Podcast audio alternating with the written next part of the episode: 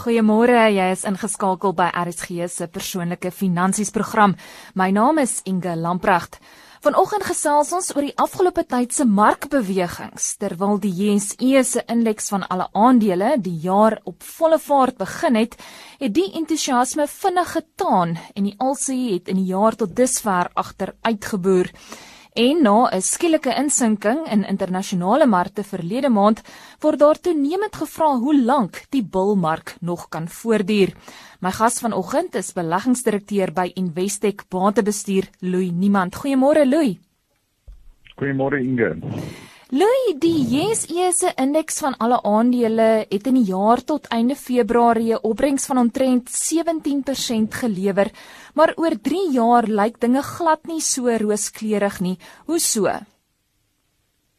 Inge oor die laaste 17 of oor die laaste jaar was 'n 17% groei baie goed, maar oor die laaste 3 jaar het die mark vir die eerste 2 jaar van daai 3 jaar basies nêrens heen gegaan nie. En ons het dis gesien oor 3 jaar het die mark maar 'n totale groei gegee van 6 net so oor die 6% per jaar wat in in lyn is met inflasie, maar dit is baie ehm uh, kan mens amper sê disappointing geweest vir baie van die van die beleggers en nog vir nog meer skrikwekkend was is is binne daai 6% as jy Naspers die een grootste aandeel op ons mark moet uithaal, het die mark maar basies vir 3% groei gegee per jaar wat basies dividend is. Ons het geen regte kapitaal groei gehad oor 3 jaar nie. Beleggers met enige markverwante beleggingsvrae is welkom om dit vir ons te SMS na 45770. 'n SMS kos R1.50.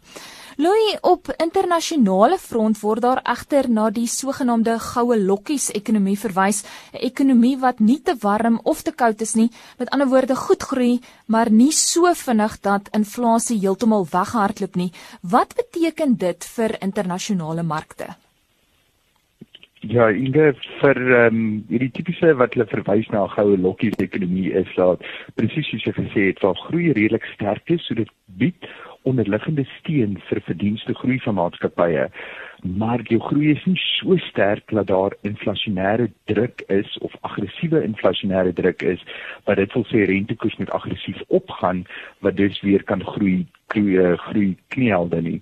So oor die laaste 2-3 jaar het ons egter gesien dat internasionale markte hierdie hierdie voordeel daaruit geput dat groei sterk is en toenemend opwaarts aangepas word en verwagtinge van toekomstige groei bly nog steeds sterk maar terselfdertyd het ons nie enige noemenswaardige inflasie druk gehad nie. Wat egter baie goed is en uh, so dit dink ek is redelik wag kan bly en terwyl groei sterk is het ons gesien baie sterk verdienste groei en aandelemarkte was sterk geweest internasionaal.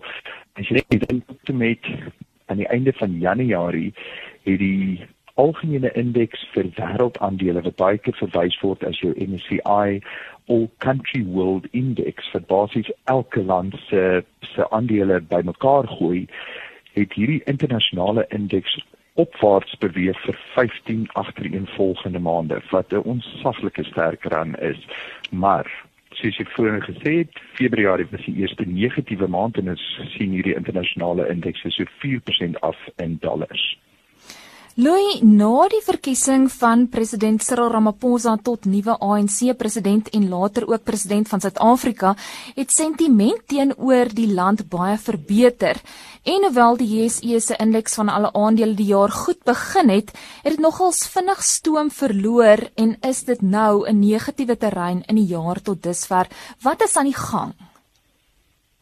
Inge op ons plaaslike mark is dit amper um, mense voel amper baie keer soos 'n soos 'n Hans Wors met twee gesigte want ons mark het 'n duidelike skeidslyn tans in terme van sy prestasie of sy bewegings.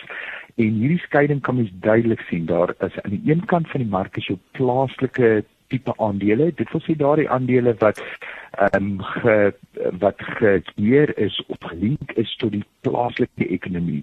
So dis baie keer as jy sit Afrikaanse banke, dit is jy verskaans eh ehm um, amper jou verkope uh, maatskappye soos Fishinies en Mr Price, daai tipe aandele en dan aan die ander kant van die mark kry jy jou ehm um, maatskappye wat meer afhanklik is van of uitvoere of waar die meeste van hulle verdienste groei ehm um, in die buiteland is. So dis jou randsterskansde aandele En omdat ons gesien het sedert Cyril Ramaphosa se oorneem um by die ANC en dan ook die oorneem as president, dis 'n duidelike skeidslyn skeidslyn hier gesien.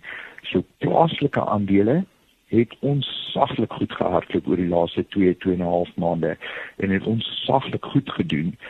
Um daarteenoor omdat die rand redelik versterk het, het jy rand verskanste aandele egter onder druk gekom. En ek spot baie keer daarmee is dat om te kyk bietjie na wat is die sentiment rakende die Suid-Afrikaanse ekonomie, kan mens baie keer twee aandele vergelyk met mekaar. En die een kan mens amper sê is jou is die is die kniehalter aandeel vir die Suid-Afrikaanse ekonomie. Daai aandeel wat almal van hou en dit het 'n goeie naam, is 'n goeie bestuur en is 'n aandeel wat baie goed doen. En dit is 'n aandeel byvoorbeeld soos Mr Price.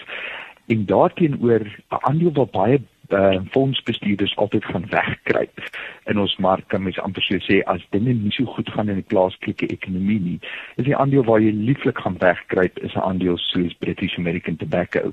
En hierdie internasionale maatskappy se totale verdienste is basies buite Suid-Afrika op internasionale markte en is 'n baie stabiele um, verdienste um, uh, verdienste groei wat hierdie maatskappy bied soos hierdie twee die een is 'n randsverskanse defensiewe aandeel soos British American Tobacco teenoor 'n Mr Price wat 'n uh, 'n uh, verbruikers sentiment um, aandeel is op die plaaslike ekonomie. En dan kan jy net as hierdie twee vergelyk met mekaar oor die laaste 3 maande het Mr Price skrede beter gedoen as British American Tobacco. So ehm um, ten spyte van die feit dat die mark redelik ehm um, sywaarts beweeg het en egter 'n bietjie laer is sedert die begin van die jaar binne in die mark is daar baie groot tweestryd tans in terme van die prestasie. Louis, so jy verwys nou na Mr Price en ook hoe goed sekere Suid-Afrikaans gefokusde aandele gedoen het die laaste ruk. Daar's baie beleggers wat wonder of hulle nou te laat is om op die sogenaamde Suid-Afrika beperk boot te klim. Wat is jou mening? Dit is uh, en ek moet amper net dis sê die beleggers uh, is te laat om op hierdie boot te spring word is dieselfde vraag wat alle fondsbestuurders ook tans mee vra. Um, en ek dink dit is omdat ons in die laaste jaar of twee weer soveel onsekerheid gegaan het in die plaaslike ekonomie en as jy net gekyk het na besigheidsvertroue in Suid-Afrika, was dit nou negatief vir 10 agtereenvolgende ehm um, ehm um, jaar. Sedert 2009 het die ekonomie net nie opgetel nie en was daar net nie enige besigheidsvertroue nie. Nou ewe skielik, sedert Desember het ons nou omswaai gehad en ons het gesien baie van hierdie aandele het skerp op beweeg soos daar vertroue terugkom in die plaaslike ekonomie. Maar nou vra jy jouself af is dit te laat? Want baie van hierdie aandele is op 30 na 40% toe in die spasie van 2-3 maande. Nou moet mens bietjie mooi kyk en hier kan jy duidelik sien. Ehm um, tans is baie van hierdie aandele alreeds op redelike hoë waardasies so jou banke het al redelik amper soos die Engelsman gesê gereedheid hulle uh, prysverdienste verhoudinge byvoorbeeld hulle is op redelike hoë vlakke. Selfs 'n aandeel soos Mr Trans wat ons baie van hou in die breër trekke van ons fondse um, sit op 'n redelike hoë uh as ehm um, vir uh, waardasies. En mens moet op hierdie stadium vra as jy nog steeds hierdie aandele op hierdie stadium besit moet daar sterk verdienste groei deurkom oor die volgende jaar of 2 of 3 om te regverdig dat jy nog steeds hierdie aandele besit. En in hierdie omstandighede is daar party wat baie skepties is en sê hulle soek eers meer sekerheid. Ehm um, hulle wil eers bietjie sien dat daar aktiwiteite is besig om op te tel byvoorbeeld by die winkels en daar's bietjie meer aktiwiteite byvoorbeeld by banke wat begin deurkom om sekerheid te hê dat hierdie verdienste groei wel gaan deurkom.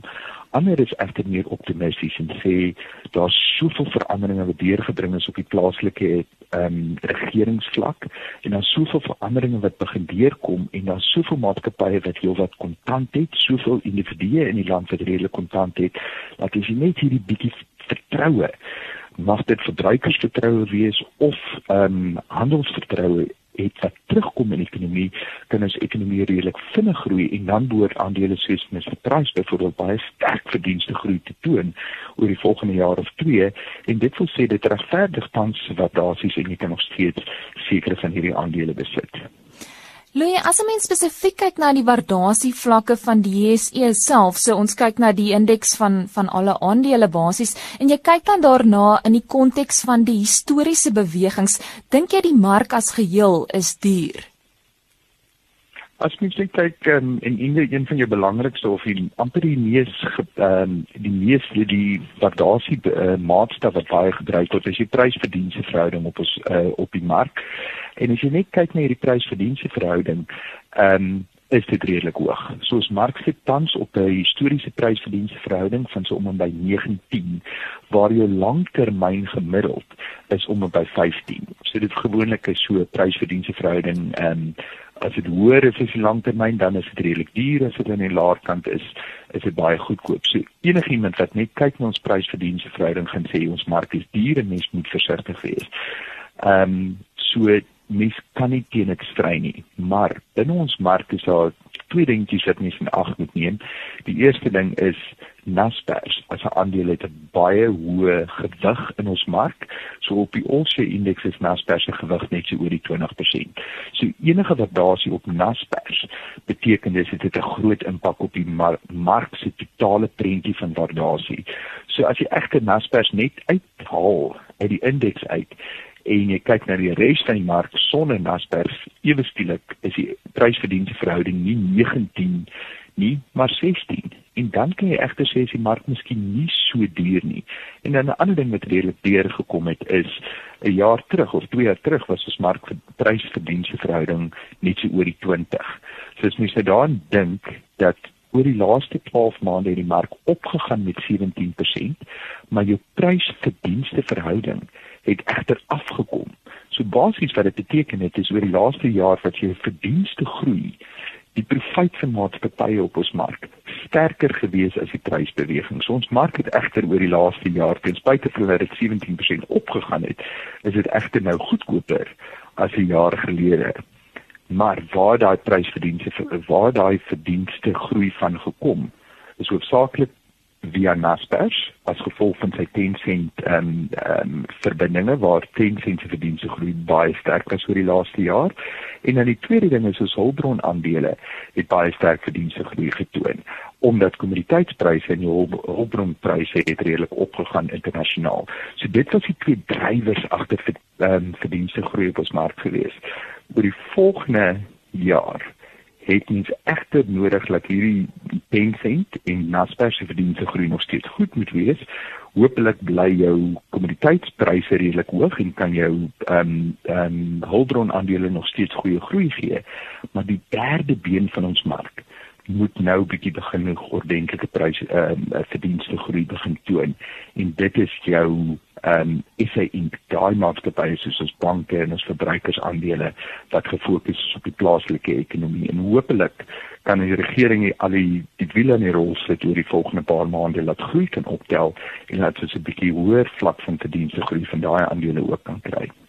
Ek herhaal net weer ons SMS nommer, dis 45770. Luisteraars wat enige markverwante beleggingsvrae aan Louis wil stel, is welkom om dit vir ons na daardie nommer te SMS. Dis 45770. 'n SMS kos R1.50. Nou jy verwys dan na Naspers en onder die fondsbestuursgroepering en selfs onder gewone kleinhandelbeleggers is daar geweldige debat oor Naspers omdat dit so groot deel van die algehele indeks verteenwoordig en ook omdat daar vrae bestaan oor die vooruitsigte vir Tencent en soos wat jy vroeër ook in die program genoem het, 'n groot deel van jou opbrengs die laaste ruk het gekom van Naspers, maar hier is ook risiko's wat 'n mens in ag moet neem. Wat dink jy is die geleenthede en risiko's wat beleggers tans te mekaar moet opweeg wanneer hulle na Naspers kyk? Ja, Naspers en en selfs uh, in die by tussen die verskillende fondsbestuurders is een van daai snaakse aandele wat of die mense is absoluut mal oor die aandeel of hulle absoluut haat die aandeel. Daar's baie min mense wat om en by in die middel is of 'n lou warm gevoel het teenoor Naspers. So jy het of tipiese 10 of 15% blootstelling in jou fondse Naspers of jy basies gewoonlik geen blootstelling in in Naspers nie. En die rede vir dit is ehm um, as mens net kyk na gewone prys-verdienste verhouding, lyk Naspers ons saglik duur. So die prys-verdienste verhouding op 'n op 'n vooruitskattingsbasis is noord van 30 keer. Soos ek vroeër gesê die mark is duur op 19, hier sit die grootste aandeel sit met 'n prys-verdienste verhouding van oor 35. So dit lyk duur en dit voel baie duur. Ehm um, maar mens moet twee dinge in ag neem. Eerstens is hulle verdienste groei wat van af ehm um, 10 sent afkom ons saglik sterk. So mens moet tot 'n mate in ag neem jou toekomstige verdienste groei wat nog steeds baie sterk is van hierdie van 10 sent uh, binne Naspers. En dan die tweede ding wat mens moet in ag neem is dat ehm um, Naspers is ehm um, 'n aandeel wat en as mens kyk na Naspers, hulle besit basies 34% van 10 sent. Die waarde van daai 34% is 'n goeie 4 na 5000 rand toe per Naspers aandeel. En Naspers se aandeel tans aandeelpryse is 3600 rand. So jy kan duidelik sien dat die waarde van 10 sent wat Naspers besit is hoër, is heelwat hoër as die egter aandeleprys van van Naspers tans. So op daai as ek amper die Engelsman kan kan kan uh, hoe hulle daarna verwys is is some of the parts valuation. So as hierdie verskillende onderliggende besighede van Naspers bymekaar stel, tel is bied Naspers nog steeds waarde omdat die 10 sent gedeelte soveel waarde toevoeg. Nou moet mens net afvra. Hier is 'n baie snaaks wat op ons mark gebeur het die groei of die verdienste bydra van 10 sent via Naspers op ons mark net daai verdienste groei bydra is meer as die totale goud en platinum sektor um, en en totaal op ons mark. So ons plaaslike aandelebeurs is glad nie meer 'n mynbou genomineer 'n mynbou gedomeineerde mark nie maar ons plaaslike mark is egter baie meer afhanklik van die verdienste groei wat uit selfoon games afkom via China. Louis, een van ons luisteraars vra, ek het heelwat Naspers aandele en 'n familielid het nou dringend geld nodig. Sou dit wys wees om nou 'n paar aandele te verkoop om die persoon te help? Ehm um, altyd moeilik om enige aandeel te verkoop om iemand anders te, te help so ek en dit is altyd 'n moeilike storie. Naspers is oor die laaste 2 maande onsaglik vervallig op en af gegaan. Ehm um, ek sê dit is baie moeilik maar op hierdie stadium bied Naspers is dit redelik aan die dierkant as mense 'n bietjie profit wil maak wil vat omdat mense geld nodig het, is dit seker nie te sleg nie, maar ehm um, en hierdie is maar altyd moeilik om te uitskat oor die kort termyn en dit is absoluut onmoontlik om 'n besluit om iets te sê op dit. Maar môre kom Tencent se verdiens kwartaallikse verdienste groei syfer uit.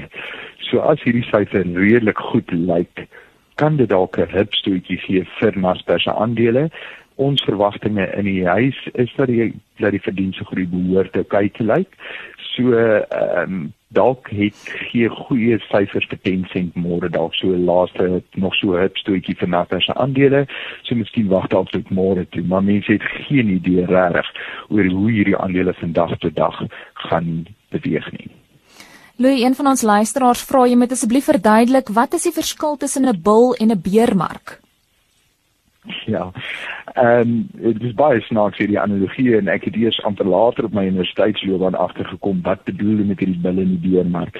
Maar 'n baie eenvoudige term is maar net basies 'n bullmark is 'n aaneenlopende periode van positiewe groei op markte en dan 'n beermark is waar jou oorhewende tendens is 'n negatiewe negatiewe uh, tendens. Gewoonlik sal mens sê 'n mark is 'n beermark as jou aandeleprys met so 20% of die mark as 'n geheel met so om by 20% of meer geval het. Nou as ons kyk nou na ehm um, internasionale markte en veral soos byvoorbeeld die mark soos Amerika. Ja, daar's elke nou en dan is daar 'n paar 'n week of so van 'n bietjie 'n korreksie op ons mark. Maar ons het nog nie 'n 20% of meer korreksie gesien op die Amerikaanse aandelemark byvoorbeeld sedert 2008 nie.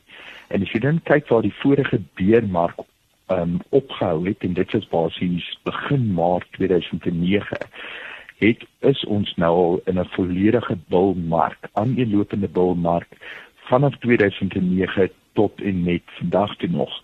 En oor hierdie hele periode, ons is letterlik tans so 100 en actually 101 dag kort uh van die langste bulmark in die geskiedenis van die wêreld wat 'n baie lang termyn is om so 'n aaneenlopende bulmark te hê. Dit behoort gewoonlik vir mense bietjie skrikkerig te maak. Moet jy nie jou privaat vat en en uitbeweeg en in kontant gaan skuil nie. My siening op dit is mense moet versigtig wees om beleggings is nie 'n all or nothing game nie. Mens as mens voel die mark het so skerp gehardloop, is tyd om dalk 'n bietjie profijt te vat. Is dit altyd 'n goeie ding, maar weer eens, verminder dan net jou aandeelblootstelling en maak seker mens bly nog steeds belê in aandele spesifiek vir die langtermyn. In die langtermyn is dit jou beste bateklas wat jou inflasie kan klop en dalk verhoed dat mens nie arm aftree die dag nie. Leon se tyd vir nog so een vinnige vraag. 'n Luisteraar sê: "Is Effekte Trust 'n goeie belegging en watter vaar redelik bestendig, die met buitelandse of die met binnelandse blootstelling?" Dit is 'n hele mond vol. En baie 'n baie eh, vinnige antwoord: Effekte Trust as 'n belegging self is 'n goeie tipe belegging. Dit word gewoonlik onafhanklik bestuur, onafhanklik geadministreer deur verskillende en daar's baie wetgewing wat kyk dat hierdie geld ordentlik bestuur word. Ehm um, so 'n effekte trust as 'n tipe belegging is baie word sterk gereguleer en is baie goeie tipe belegging. Maar daar is net so oor die 1000 verskillende effekte trust op Suid-Afrika net in Suid-Afrika en dit daar is van 'n geldmarkfonds wat ons wat net in kontantbasis belê word tot aggressiewe fondse wat byvoorbeeld net in 'n bepaalde internasionale mark soos Indië belê word. Ehm um, aandelemark in Indië. So mense moet so versigtig wees, mense moet presies kyk waarna na watter tipe effekte trust en wat se onderliggende bates mense in belê en mense moet belê volgens jou risikoprofiel.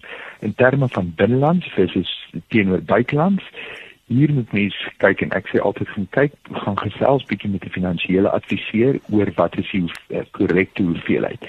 Jou blootstelling na die buiteland toe is ontsaglik belangrik vir diversifikasie dat jy nie al jou geld in een land opgebou het soos 'n land soos Suid-Afrika waar wisselvalligheid redelik hoog is nie. So buitelandse diversifikasie is ontsaglik belangrik en baie goed en veral nou dat die rand dalk iets versterk het, is dit altyd 'n goeie tyd om 'n bietjie geld, bietjie meer geld weer in die buiteland te gaan belê. Maar wees versigtig om nie al jou geld net in die buiteland gaan lê gaan belê nie vir alles jy byvoorbeeld afhanklik is van 'n maandelikse inkomste. Want dan sit jy met jou maandelikse inkomste wat 'n las is basies in rand maar al jou bates van waar jy hierdie inkomste neem sit er ander geld in uit sit in die buiteland en dan onmiddellik kan jou bates en jou laste jou inkomste en jou bates is dis nie dieselfde geld eenheid nie en dit kan dalk korttermyn kopseer gee as jy rand nie in die regte rigting leef beweeg nie.